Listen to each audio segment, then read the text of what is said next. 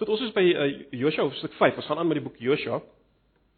Uh Josua 4 en 5 is 'n soort van 'n eenheid. Ons het so 'n bietjie al geraak aan uh Josua 5, maar uh vanoggend gaan ons spesifiek uh, na Josua kyk. Uh Kom ons lees die 83 vertaling. Ek het verlede Sondag so 'n bietjie deurmekaar geraak met die vertaling wat ek op het. Uh hierdie is die 83 wat daarop is, so kom ons uh kom ons lees die 83 vertaling. Toe die toe al die konings van die Amorite wes van die Jordaan en al die konings van die Kanaaniete aan die see hoor dat die Here die water van die Jordaan vir die Israeliete laat opdroog het sodat ons kon deurgaan het hulle harte van angs verstyf en hulle het nie meer moed teenoor die Israeliete gehad nie. In die tyd het die Here vir Josua gesê: "Maak vir jou klipmesse en besny die Israeliete." Israeliete. Daar moet weer 'n besnydenis wees. Josua het toe vir hom klipmesse gemaak en hy het die Israeliete besny. Die plek is genoem die heuwel van die besnydenis.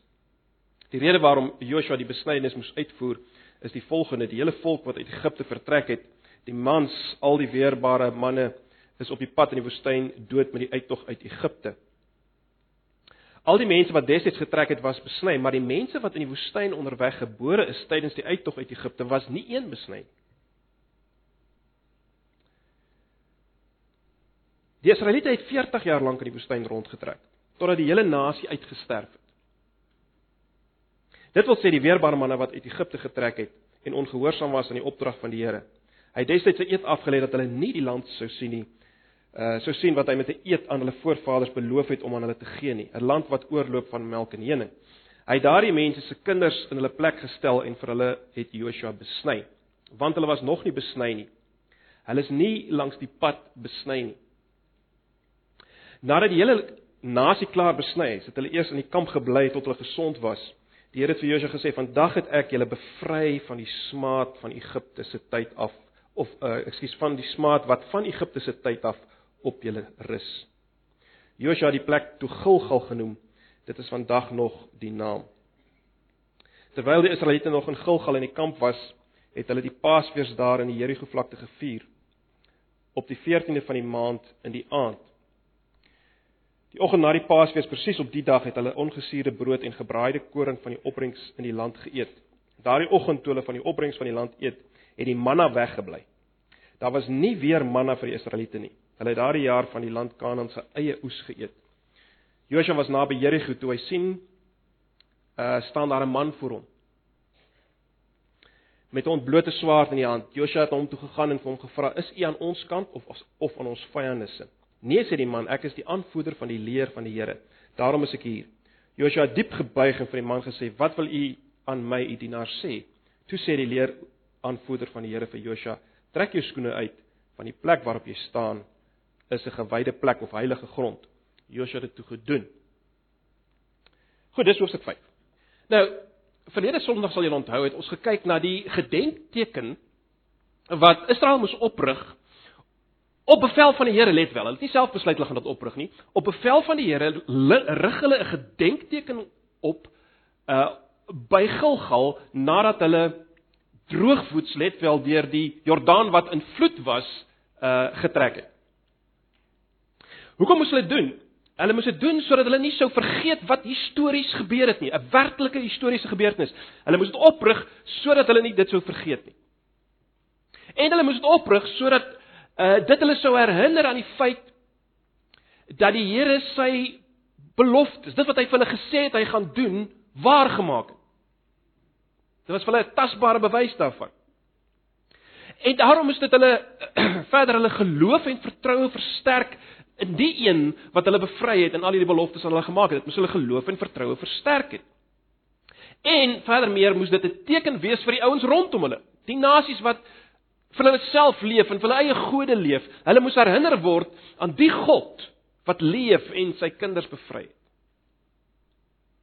Ons het gesien dat hierdie gedenkteken in 'n sekere sin ook soos 'n padteken gefunksioneer het, né? Nee, dit het vorentoe gewys na iets anders. En die iets anders waarna dit verwys het, word ook weer met 'n teken gevier en dis wat ons verlede Sondag gevier het, die nagmaal. Die nagmaal. Uh julle sal onthou dat uh dat die Israeliete op die 10de van die maand Nisan deur die Jordaan gegaan het en dit was presies die tyd waarop baie baie jare gelede die Israeliete 'n lam moes kies wat hulle dan op die 14de op die Pasga sou slag. En ons het gesien uiteindelik in vers 10 van hoofstuk 5 is die Pasga nou weer op die 14de van die maand, 4 dae nadat hulle deur die Jordaan is geslag. En en En en soos ek sê, dit wys alles vorentoe. Dit herinner aan die bevryding van die finale Joshua wat beide God was, maar ook die lam wat geslag is. Hy was beide die een wat mag gehad het ook oor die oor die waters en die storms. Hy was God. Maar sy bloed het gevloei in die plek van sy mense se ongeregtighede, my en jou ongeregtighede, sodat ons bevry kan word en die finale land kan ingaan. Maar goed, dis waarna ons verlede keer gekyk het. Nou hierdie gedenkteken wat terselfdertyd ook uh soos 'n padteken vorentoe gewys het na iets meer. Nou, vanoggend in Hoofstuk 5 kry ons nog 'n teken, 'n teken wat vir ons baie vreemd is en en dit mag miskien vir jou voel dis totaal nie van toepassing op ons nie. Ons kry dit hier in Hoofstuk 5. Nou, kom ons staan kom ons staan net nader aan Hoofstuk 5. In vers 1 kry ons 'n opsomming van die Jordaan gebeure. Uh Kom ons lees miskien net weer. En toe al die konings van die Amorite wat ander kant die Jordaan na die uh wat ander kant die Jordaan na die weste was en al die konings van die Kanaaniete wat by die see woon hoor dat die Here die waters van die Jordaan vir die kinders van Israel uit laat opdroog het totdat hulle deurgetrek het het hulle hart versmelt en was daar in hulle geen moed meer van weer die kinders van Israel met ander woorde geen moed meer gehad om hierdie ouens eintlik te keer nie en wat natuurlik sou beteken dat die hele land verower sou word. Dis dis eintlik 'n opsomming van wat gebeur het, maar die vraag is nou wat lê agter dit? Waarom? Waarom teken die skrywer dit op? Hoe hoekom is dit relevant vir die geskiedenis van die heelal? Dat hulle droogvoets daardeur getrek het en dat almal in die land nou vir hulle bang is. Hoekom? Wel, broers en susters, ons moet verstaan God was besig om sy verbondsbeloftes aan Abraham te vervul. God het dinge gesê vir Abraham, beloof aan Abraham, gesweer aan Abraham en hy's besig om dit waar te maak. Dis waaroor alles gaan. Dis nie maar net goed wat gebeur het toevallig en is 'n klomp ouens wat besluit het hulle gaan die land in en agter dit lê God se eerste optrede, sy beloftes aan Abraham. Julle sal weet God het 'n paar dinge beloof aan Abraham. Hy het onder andere beloof dat hulle 'n groot nasie sou wees. En en ons sien in hierdie gedeelte dat hulle 'n groot nasie was. Ek meen daar was 40000 weerbare mans. Dis nou vroue en kinders uitgesluit. Dit was 'n massa mense. God het sy belofte waargemaak dat hulle 'n groot nasie sou word. Dwars deur die Ou Testament word daar klem gelê op hierdie aspek. En hier sien ons dit. Maar God het ook aan hulle 'n land beloof. En dit is in hierdie land wat hulle nou staan. Hulle het in hierdie land ingekom, droogvoets deur 'n vol Jordaan. Uh, Jordaan wat nie vloed in vloed was. God het seën aan die nasies beloof deur hierdie volk, die nageslag Abraham en sy nageslag. Wel, in 'n sin sien ons in mikrovorm al iets daarvan by Ragab, nê, nee, wat geseën word. Sy en haar nageslag en en daar kom nog meer. En die meer wat kom hou ook verband met wat ons nog later gaan sien volgens. Maar baie belangrik, God gee nie net beloftes nie. Dis asof God weet mense sukkel net met beloftes. Hulle sukkel om beloftes te vat want jy kan dit nie sien nie. Dis nie tasbaar nie en daarom gee God ook die besnydenis as 'n teken van hierdie verbond wat hy gesluit het met Abraham. En een ding wat baie duidelik is, broers en susters, is dat hierdie besnydenis is nie net is nie so randsaak nie. Uh met ander woorde dis nie iets waaroor jy kon besluit. Uh ek is lus ek dink dis 'n goeie idee om hierdie besnyne storie te doen, maar nee, ek sien ek lus daarvoor, dis te seer of uh, wat ook al. Dis nie dis nie so issue gewees nie. Met ander woorde een waaroor jy kon besluit as Israeliet, wil jy dit doen of wil jy dit nie doen nie? Was geen randsaak nie.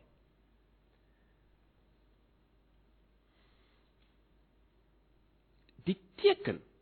Baie interessant, ons sal dit nou sien, ek gaan nou vir julle wys. Die teken was die verbond. Die kry van die teken is deel van die hou van die verbond. Daai verhouding met God. Kyk 'n bietjie na Genesis 17 vers 10 11 en 14. Dit is my verbond wat moet geld vir jou en jou nageslag. Elke lid van die manlike geslag onder julle moet besny word. Julle moet besny word aan die vooruit. Dit is die verbondsteken tussen my en julle. So almal wat aan Abraham behoort, sy nageslag moes hierdie teken ontvang. Uh nou 'n verbondsteken, ons word alreeds by Noag toe toe die teken van die reënboog gegee is, herinner aan wat 'n teken doen. In 'n sekere sin herinner dit God aan sy belofte, maar natuurlik herinner dit ook die mense aan God en sy verbond en sy beloftes. Maar kyk net na vers 14. Kyk net na vers 14.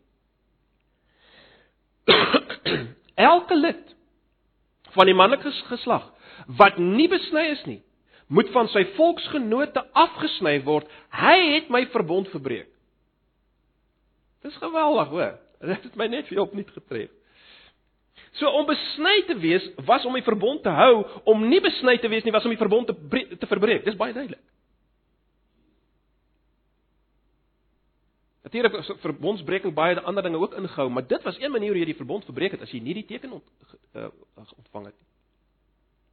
En nou kom ons in hoofstuk 5, terug na Josua 5 en die verrassing is Israel is nie besny in die woestyn nie. Dit kom dit kom as 'n verrassing nie waar nie. Die generasie wat deur die woestyn getrek het, is nie weer besny nie. Dit is veral nogal vreemd en amper verwarrend as mens dink aan aan Eksodus 4 verse 24 en 26 waar Moses bedreig word of gedreig word deur God met die dood omdat hy nie sy eie seuns besny het nie. Die die punt is die bevel dat die kinders besny moet word in die woestyn is nooit gegee nie. Maar nou was hulle in in die land gewees, was 'n 'n 'n nuwe generasie, hulle het hulle self geheilig en toegewy en nou sal hulle weer besny word. In vers 2 tot 7 word die hele verduideliking gegee van wat gebeur het. Ons ek gaan nie nou alles weer lees nie, maar kyk net weer na vers 5. Al die mense wat destyds getrek het was besny, maar die mense wat in die woestyn onderweg gebore is tydens die uittog uit Egipte was nie een besny nie. So die die volgende generasie is in in die woestyn nie besny nie. Die ouers het nie die kinders weer besny nie. En nou in vers 7 doen Josua dit. Hy het daardie mense se kinders in hulle plek gestel en vir hulle het Josua besny, want hulle was nog nie besny nie. Hulle is nie langs die pad besny nie. Nou, daar's 'n paar dinge wat mense hier moet raak sien. Die eerste ding is mens moet raak sien dat hierdie ouens hierdie nuwe generasie mense wie se geloof versterk is nou deurdat hulle deurgetrek het deur die Jordaanrivier droogvoets, die Jordaanrivier wat 'n vloed was. Hulle was gewillig om bes, om besny te word. Daar was geen ons kry geen idee dat daar enige teenkanting was of of 'n gerede kabel daaroor nie. Hulle was gewillig. En ek dink dit is belangrik om op hierdie punt te verstaan wat hierdie besnydenis uitgebeeld het. Dis ek dink dis uiters belangrik om om dit te verstaan want uh, ons het al daaroor gepraat, mense mense mense mense kan dalk onduidelikheid weer daaroor ontwikkel. Ons het nou reeds mekaar gesê die besnydenis was die teken van die verbond wat God met Abraham gemaak het. Nou 'n verbond uh eintlik al die verbonde in daai tyd in die in die ou nabye ooste het so gewerk. Daar was daar was seën as jy dit as jy die verbondsvoorwaardes nagekom het, seën. Maar daar was vloek As jy dit verbreek het. Ons weet dit uit Deuteronomium. Dink maar aan Deuteronomium 28 die seëninge en die vloeke wat afgekondig is van die berge vir as jy die verbond hou. Vloek as jy die verbond ongehoorsaam is. Maar nou baie interessant. Uh In daardie tyd baie baie keer nie net by Israel nie. is die kom ons noem dit die vloekkant van die verbond. Met ander woorde, dit wat gaan gebeur as jy die verbond verbreek, is al in 'n sekere sin in die teken vasgevang. Uitgebeeld. Dit wat sal gebeur as jy die verbond verbreek. So, wat sê die besnydenis? Wat is uitgebeeld in die besnydenis? Wel in die besnydenis is uitgebeeld as jy die verbond verbreek, sal jy afgesny word uit die volk, jou nageslag sal afgesny word. En terloops uh letterlik as jy gaan kyk na die Hebreëus om 'n verbond te uh te sluit Die woord wat gebruik word is jy sny 'n verbond. Dis letterlik. Jy sny 'n verbond. Maar goed, so dis dis dis wat in die teken as te ware al weggesteek was. As as jy dit verbreek, sal jy afgesny word. En natuurlik sal jy dan nie die land ingaan nie, uit die aard van die saak, per definisie nie.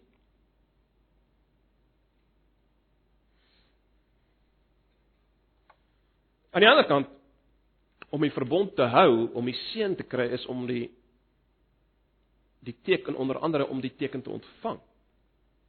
So, hierdie volk wat hulle self weer toegewy het aan die Here, wie se geloof versterk is deurdat hulle gesien het wat hy gedoen het by die Jordaanrivier, wat die gedenkteken ontvang het by Gilgal. Uh hulle het geweet daar's geen ander pad nie. Die besnydenis moet plaasvind. Die besnydenis moet plaasvind.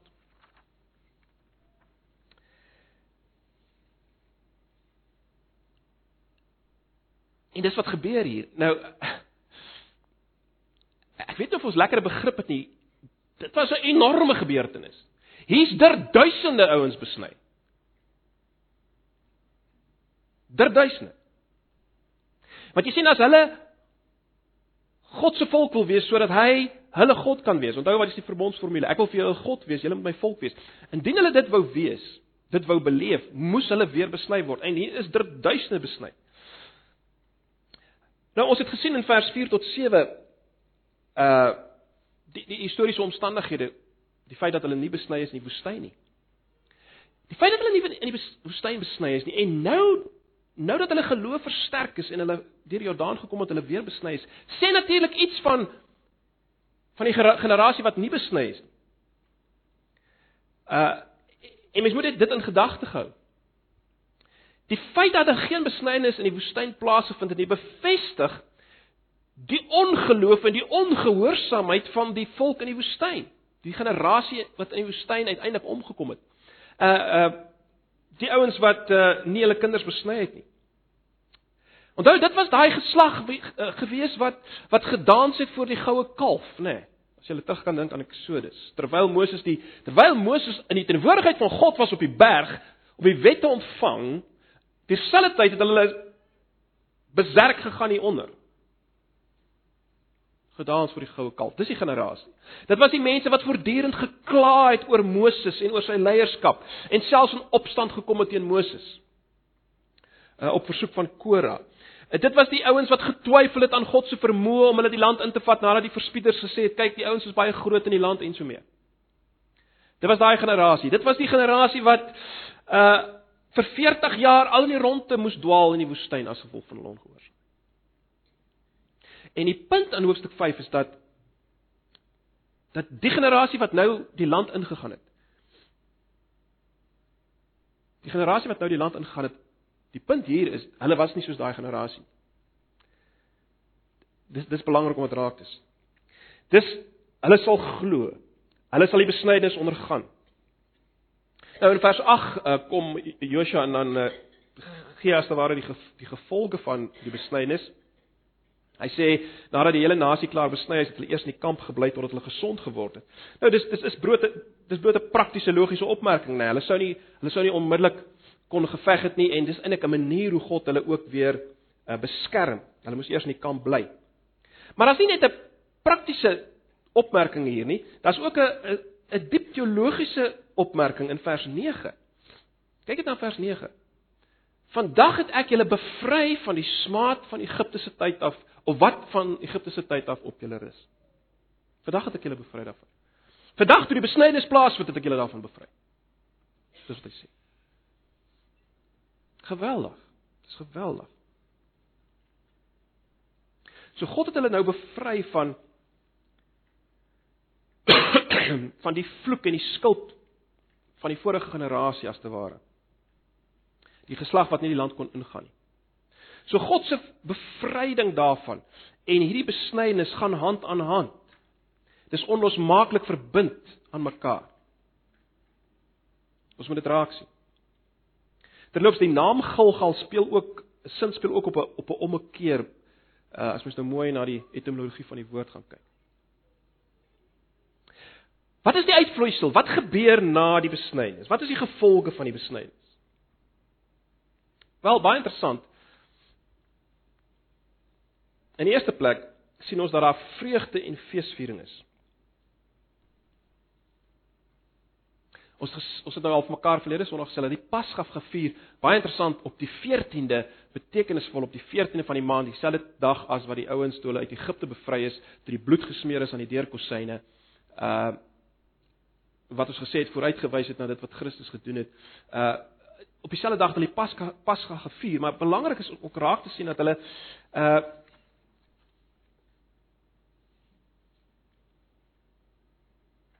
Hulle het van die opbrengs van die land fees gevier. Hulle het interessant, het julle gesien, hulle het nie meer manna gekry nie. Die manna het gestop nou. As teken van julle is nou klaar met die woestyn tog waar ek julle met die manna gaan voorsien. Nou kan julle dit wat die land bied, die, die beloofde land gee. Julle kan daarmee fees vier. Ek wil hê julle moet daarmee fees vier. En dis wat wat nou gebeur. Hier's 'n feesvier met dit wat die land bied. Gesamentlik Saam as volk moes hulle dit vier. Hulle is nou 'n nuwe eenheid wat saam bevry is. Hulle het nuwe rede vir feesviering en so meer. So dis die een ding wat gebeur nadat hulle besny het. 'n Ander ding wat gebeur is baie interessant. Uh dit kry ons daar in vers 13 tot 15. Die man met die ontblote swaard. Kom ek lees dit net weer vir julle. Ek kan dit nou nie daar opsit nie. Josua was naby Jerigo toe hy sien staan daar 'n man voor hom met 'n ontblote swaard in die hand. Joshua het hom toe gegaan en hom gevra: "Is u aan ons kant of aan die vyand se?" "Nee," sê die man, "ek is die aanvoerder van die leer van die Here, daarom is ek hier." Joshua het diep gebuig en vir die man gesê: "Wat wil u van my, u dienaar? Wat wil u aan my, u dienaar sê?" Toe sê die leer aanvoerder van die Here vir Joshua: "Trek jou skoene uit, want die plek waarop jy staan is 'n gewyde plek of heilige grond." Joshua het dit gedoen. Wat gaan hier aan? Wel, Ek wil nie te veel tyd daaraan spandeer nie, maar julle sal onthou toe ek toe ons toe ek so ter inleiding gepraat het oor Josua, het ek vir julle gesê dat daar kan 'n redelike saak uitgemaak word. Dit is redelik seker dat geografies die gebied wat beloof is aan die volk ooreenstem met die gebied wat Eden was in Genesis 1 en 2. Nou julle sal weet na die sondeval is Adam en Eva uitgedryf uit die woestyn na die ooste kant toe en die tuin is bewaak deur engele met ontblote twee snydende swaarde. Nou kom die volk terug vanuit die ooste kant geografies in dieselfde gebied in. En wat tref Joshua aan? 'n Man met 'n ontblote swaard. En dit is interessant, die man sê jy staan op heilige grond.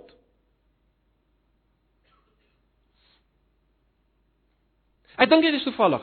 Ek dink hy lê iets geweldig dieps. Ek dink ons moet teruggaan. Ons moet verstaan, hier is 'n 'n weer ingaan in die plek waar God sy mense wil hê. So ek sê ek wil nie te veel tyd daaraan spandeer nie, maar dit is belangrik om dit raak te sien. Die volk gaan as te ware Eden weer binne. Eden gaan herwin word. Daarom al die oorvloed, die feesviering en so mee. So dis wat hier gebeur. Die vraag wat ons nou kan vra is So what? Wat sê dit vir ons? Wat se betekenis dit vir vir ons? Uh, dis interessante geskiedenis, maar wat se betekenis dit vir ons? En ek wil net 'n paar opmerkings hieroor maak. Ek dink ons ons moet altyd verstaan dat uh, en ons het dit al mekaar gesê, die Bybel is een groot ware verhaal van die werklikheid met 'n begin. Dis 'n drama. Dis 'n drama en ek is ek en jy is nog steeds deel van die drama. Ons leef in hierdie drama. Ons is in die laaste uh, deel van die drama voor die koning terugkom, die koning van Genesis 1 en 2. so dit dit dit het alles te maak met ons. Ons is deel van dit wat daar gebeur. Maar meer as dit, ons ons het dieselfde probleme en behoeftes as wat die volk gehad het. Ons het ook 'n begeerte om om verseker te word van wie is ons? Wat moet ons hier doen? Waarna toe is ons op pad? Ons het 'n begeerte om die God wat ons nie kan sien nie om om tasbare as te ware bewys te hê van van die feit dat hy vir ons omgee en lief is. Ons wil dit sien, ons wil dit vat. Ons ons het 'n ons het 'n behoefte daaraan. En dis waaroor dit hier gaan. Die tekens wat God gee. God wat wat sy beloftes gee, sy woord gee, maar hy hy hy ken ook ons swakheid en ons behoefte aan aan aan vastigheid en om te sien en hom gee hy ons tekens. Ons ons het verlede Sondag gekyk na die na die nagmaal. So ons moet raak sien dat dit wat in Josua gebeur het, het is absoluut relevant vir ons. En nou is dit interessant as ons kyk na die na die Bybel self. Uh die Nuwe Testament val terug op Josua. Daar daar's 'n geweldige uh, ooreenstemming of daar aansluiting. Miskien is dit weet eerder die woord, aansluiting by Josua. Ons het nou al uh, ge, gewys op Hebreërs, die boek Hebreërs en Josua. Daar's geen twyfel nie dat die die boek Hebreërs wys dat Jesus is die finale Josua wat ons in die finale land invat. Daar's geen twyfel nie, dit is baie duidelik uit die boek Hebreërs, né? Ons het dit al gesien, ons het dit gedoen. Maar ons mis dikwels die geweldige ooreenstemming tussen Josua en die boek Handelinge. Nou as as jy mooi kan terugdink toe ons uh, begin het uh, inleiding gegee het oor oor Josua, het ek al op gewys dat of althans soos Joshua 1 gedoen het. In Joshua 1 uh ek dink is vers 5 rond vers 4 of 5 word daar uh, uh as te ware beskrywing gegee van die gebiede wat verower gaan word. Né? Nee. Van hier tot daar, tot daar. Nou dit ekho as te ware Handelinge 1 vers 8 wat sê hierdie evangelie moet verkondig word van Jerusalem en Judea en Samaria tot aan die einde van die aarde.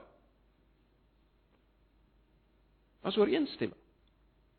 Meer nog, ons het gesien, baie interessant. As die diakens in Handelinge uiteindelik gekies word, word daar in die Griekse vertaling van die Ou Testament baie dieselfde woorde gebruik as wat gebruik word toe Joshua aangestel is. Uh En as te ware die Gees ontvang het daar in Numeri 27. So daar's 'n gewellige ooreenstemming tussen Handelinge 6 en Numeri 27 vers 15 tot 23. Uh die woorde kyk dan uit na manne in wie die Gees is. Dit word weer gevind in Handelinge in uh, Handelinge 6, nê. Nee. Uh, die diakens sou nou die ouens wees wat die nuwe gebiede vir God verower, vir die evangelie verower. Vanaf Jerusalem, Judea, Samaria tot aan die eindes van die aarde. So daar's ooreenstemmings. Maar daar's ook ooreenstemmings in Handelinge 2. In Handelinge 2 vers 38 en 39, julle ken die eh, die gedeeltes. Kom, kom ek lees dit net vir julle. Luister maar net. Handelinge 2 vers 38 en 39, waar Petrus gesê het: "Bekeer julle en laat elkeen van julle gedoop word in die naam van Jesus Christus tot vergifnis van sondes en julle sal die gawe van die Heilige Gees ontvang. Want die belofte kom julle toe en julle kinders, en almal wat daar ver is, die wat die Here ons God hom sal roep." En dan in vers 41 lees ons die wat toe sy woord met blydskap aangeneem het, is gedoop en daar is op die dag omtrent 3000 siele toegebring. En dan interessant vanaf Handelinge 2 vanaf vers 42 lees ons die volgende. En hulle het volhard in die leer van die apostels en in die gemeenskap en in die breking van die brood en die gebede. En dan word daar nog beskrywings gegee van alles wat hulle gedoen het uh vers 46 is miskien weer belangrik. Dag vir dag het hulle eendragtig volhard in die tempel van huis tot huis brood gebreek en hulle voedsel met blydskap en eenvoudigheid van hart geniet terwyl hulle God geprys het en in guns was by die hele volk en God het daagliks bygevoeg die wat gered is. Ek dink ons sien hier ooreenstemming met wat gebeur het by die besnydenis. Ek dink hier is 'n ooreenstemming. 'n geweldige getal is besny, 'n geweldige getal is gedoop. Daar was feesviering na die besnydenis, hier's feesviering by wyse van spreke na die doop. Maar as jy nog nie oortuig is nie, baie interessant as 'n mens nou verder gaan in die boek Handelinge, dan is daar nog 'n interessante aanduiding dat ons 'n verband moet bring tussen Joshua, die boek Joshua en wat in Handelinge gebeur. As ons kom by Handelinge Die gedeelte van Ananias en Safira. Dan is dit baie interessant, word die presies die woorde gebruik wat in Joshua 7 gebruik word. As Agan van die bangoed terughou en hy en sy familie sterf. Petrus sê vir Ananias in Handelinge 5 vers 3: "Waarom het die Satan jou hart gevul om vir die Heilige Gees te lieg en van die prys van die grond agter te hou?" En dit is presies die woord wat in Joshua 7 gebruik word ook. Goed, ek wil nie ingaan op die detail nie, maar ek wil hê julle moet sien dat die die die skrywer van Handelinge Lukas wil hê ons moet sien as dieselfde tipe dinge gebeur. So ek dink daar daar's daar's 'n aanleiding hier dat daar daar is 'n verband tussen die besnydenis en die doop. Die vraag is, wat is hierdie verband? Wat is hierdie verband?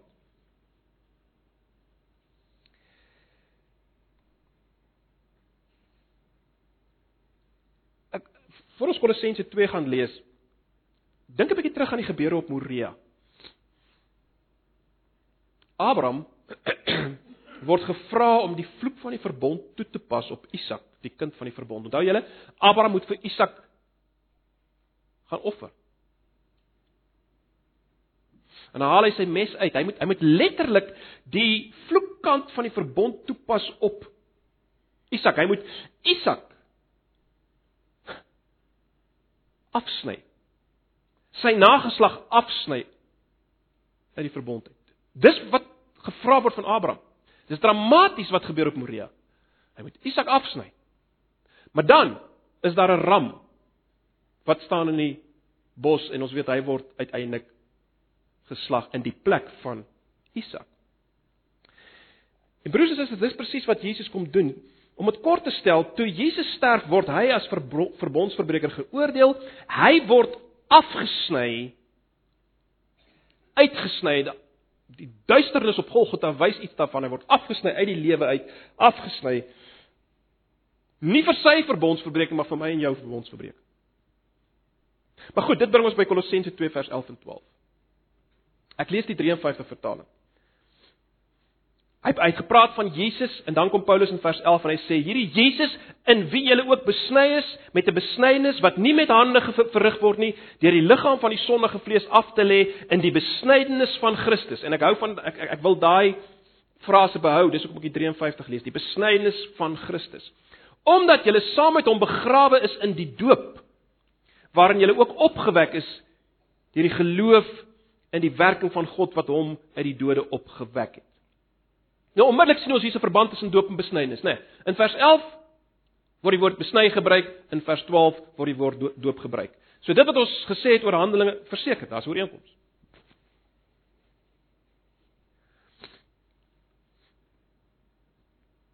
Maar die ooreenkoms is nie dikwels wat gedink word dit is nie, né? Nee.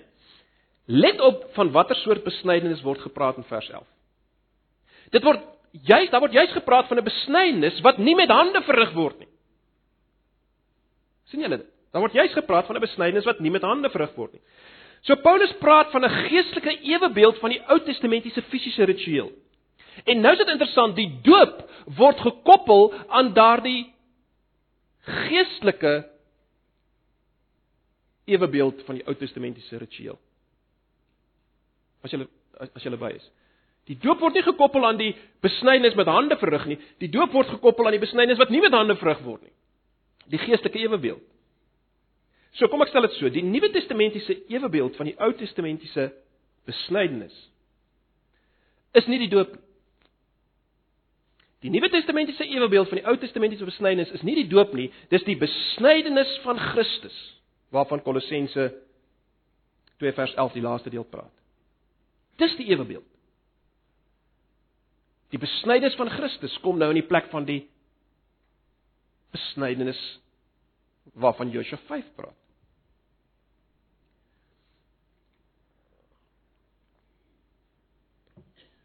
Wat word bedoel met die besnydenis van Christus? Baie interessant. Luister 'n bietjie na na Jesaja 3 vers 8. Julle ken Jesaja 53, né? Nee? Jesaja 53 wat praat oor die kruisiging asof jy daar staan honderde jare voor Jesus gekruisig is. Maar onder andere in Jesaja 53 vers 8 lees ons die volgende: Uit die druk en uit die straf gerig is hy hierdie knegg van Jesaja 53 is hy weggeneem en onder sy tydgenote wie daaroor gedink dat hy luister na die woorde van Jesaja 53 vers 8. Wie daaroor gedink dat hy afgesny is uit die land van die lewenes. Terwille van die oortreding van my volk was die plaag op hom. So in Jesaja 53 word daar gesê van hierdie knegg en ons weet dis Jesus dat hy is afgesny uit die land van die lewendes. Dieselfde besnydeniswoorde, verbondsverbrekingswoorde. Hoekom? Want die oortreding van die volk was op hom.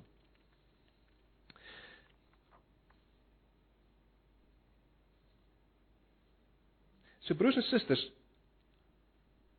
ons as gelowiges Ons as gedooptes, as ek dit so kan stel, kry deel aan wat Jesus deurgegaan het in ons plek. Hy het reeds die vloekkant van verbondsverbreking gedra. Hy is reeds in ons plek afgesny. Dis die besnydenis van Christus. Hy's reeds in ons plek afgesny. Wat is die doop?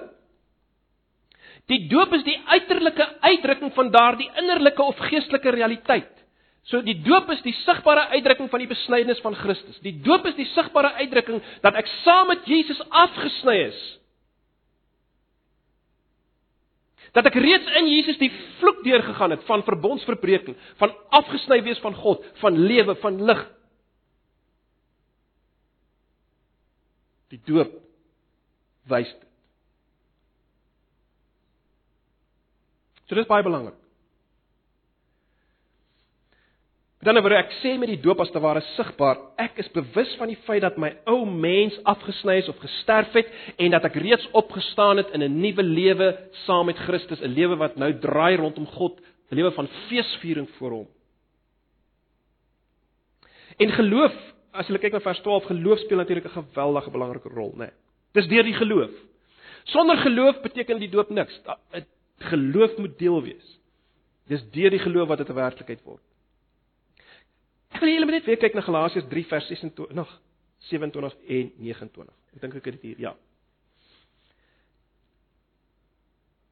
Luister nou weer hoe ons deel is van dit wat met Abraham al reeds vir hom gesê is en gebeur het. Ons kan ons nie self losmaak daarvan nie. Kyk kyk daarna. 'n Christen is 'n kind van Abraham. Kyk kyk. Want julle is almal kinders van God deur die geloof in Christus Jesus. Want julle almal wat in Christus gedoop is, het julle met Christus bekleë en as aan kyk vers 29 en as julle aan Christus behoort dan is julle die nageslag van Abraham en volgens die belofte erfgename. Jy sien broers en susters, ons kan ons nooit losmaak van dit wat vas nie. Ons word die nageslag van Abraham. Ons word besny.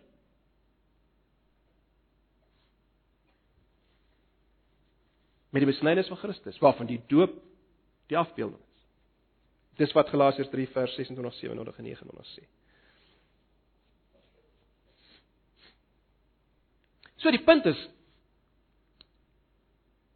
as jy wil deel word van God se groot verhaal van God se mense draai na Jesus, bekeer jou, draai weg van jou lewe wat gaan net oor jouself en en en en nou hier en nou Draai na Jesus, werp jouself op hom en word gedoop as 'n teken daarvan. Jou, jou ou jou ou lewe is reeds afgesny onder onder die oordeel van God in Jesus en daar's 'n nuwe lewe. Kom na hom toe, omhels hom. Jy kan dit nou doen. Kom. Kom na Jesus. Gryp hom vas. Dis in hom. En as jy gedoop is, dit is baie belangrik. As jy gedoop is, dan sal Jesus die nuwe Joshua jou die uiteindelik 'n land binne lê. Hy self is al reeds die land het ons gesê, maar hy sal jou die nuwe land binne binne lê. Jy sal op 'n nuwe aarde bly. Broers en susters, daar's geen sin in hierdie lewe as daar nie 'n nuwe aarde op pad is nie. Dan maak dit nie saak wat jy doen nie. Jy kan by jou langs jou se keel afsny vanoggend. Dit maak geen dis geen sin. Hoekom is dit verkeerd? Wat maak dit saak? As daar nie 'n nuwe aarde is, 'n oordeel is en 'n nuwe aarde is waar Dis die enigste sin. En dis waarna toe die nuwe Joshua ons lei. Ons wat gedoop is. Hy lei ons. Waarom kon eh, as ons teruggaan na wat gebeur het aan die einde van Joshua 5?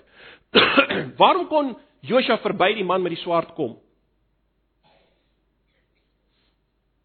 Sodat die man met die swaard hom eintlik gehelp het. Wel, ons moet uiteindelik Hebreërs 4 gaan lees om te sien en ons het nie nou tyd nie. Gaan lees self by die by die huis Hebreërs 4, maar daar sien ons die verband.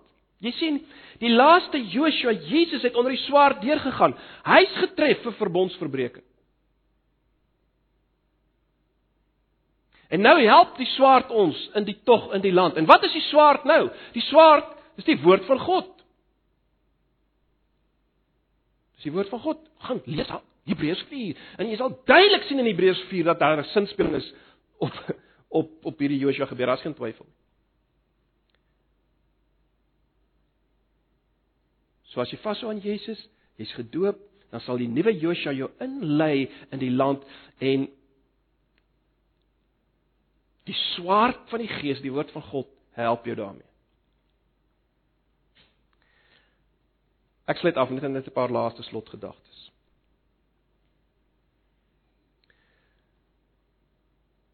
Hoekom is dit hoekom is dit belangrik om gedoop te word? Wel, broers en susters, dit is net so belangrik soos wat dit was om besny te word. Ons moet dit raak sien vanoggend. En die doop herinner ons aan alles wat ons gesê het vanoggend. En die Satan sidder as ons gedoop word. Want dat is hierdie teken. En ons het hierdie vastigheid buite onsself.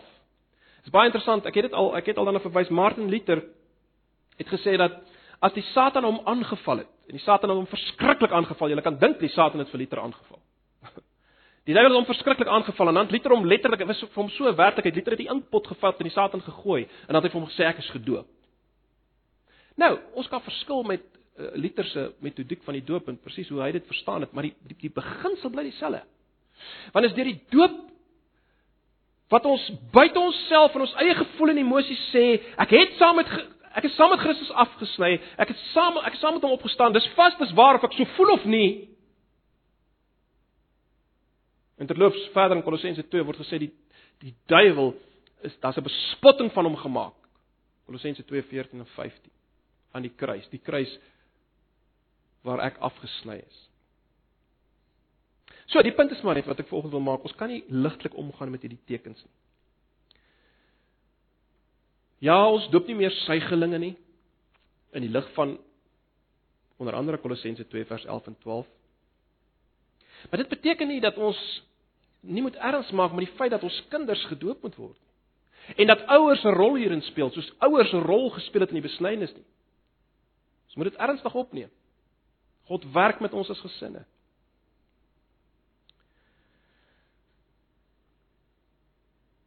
Die nuwe land, die ingaan in die nuwe land, broers en susters, is vir die wat die teken ontvang het. En dis baie baie belangrik, ons moet dit verstaan. En die wêreld moet dit weet. Die wêreld moet dit weet. En God wil ons versterk daardeur. Hy wil ons hy wil ons voed en versterk en onderhou hierdie tekens, die teken van die nagmaal, maar ook die teken van die doop. En ons moet gebruik maak daarvan. Ons maak te min van tekens. Ons ons ag dit nie belangrik genoeg nie. God is die God van van verbonde en van tekens. Dis geweldig belangrik. Net 'n laaste gedagte, dalk is dit dalk is dit 'n onnodige gedagte, maar dit is tog interessant. Broers en susters, daar word in die Bybel niks gesê van byvoorbeeld iets soos julle moet gereeld stilte tyd hou nie. Ons kan dit aflei ja uit verskillende dinge. Maar daar wel 'n duidelike opdrag is, is word gedoop en vier die nagmaal. Dis deel van ons Christelike lewe. Dis ontsaglik belangrik. Dis ontsaglik belangrik. So kom ons doen dit. En en en mag 'n gedeelte soos Josua 5 vir ons net bietjie uit 'n ander hoek wys die belangrikheid van hierdie goeders. Uh dis nog net so belangrik. Lyk nou 'n bietjie anders. Maar dit is net so belangrik. En uh, kom ons dank God dat hy vir ons nie net sy woord gee nie. Hy gee ons sy woord, sy beloftes wat ons moet glo. En dit dis genoeg. Maar in sy genade gee hy vir ons tekens, sigbare dinge wat ons help daarmee.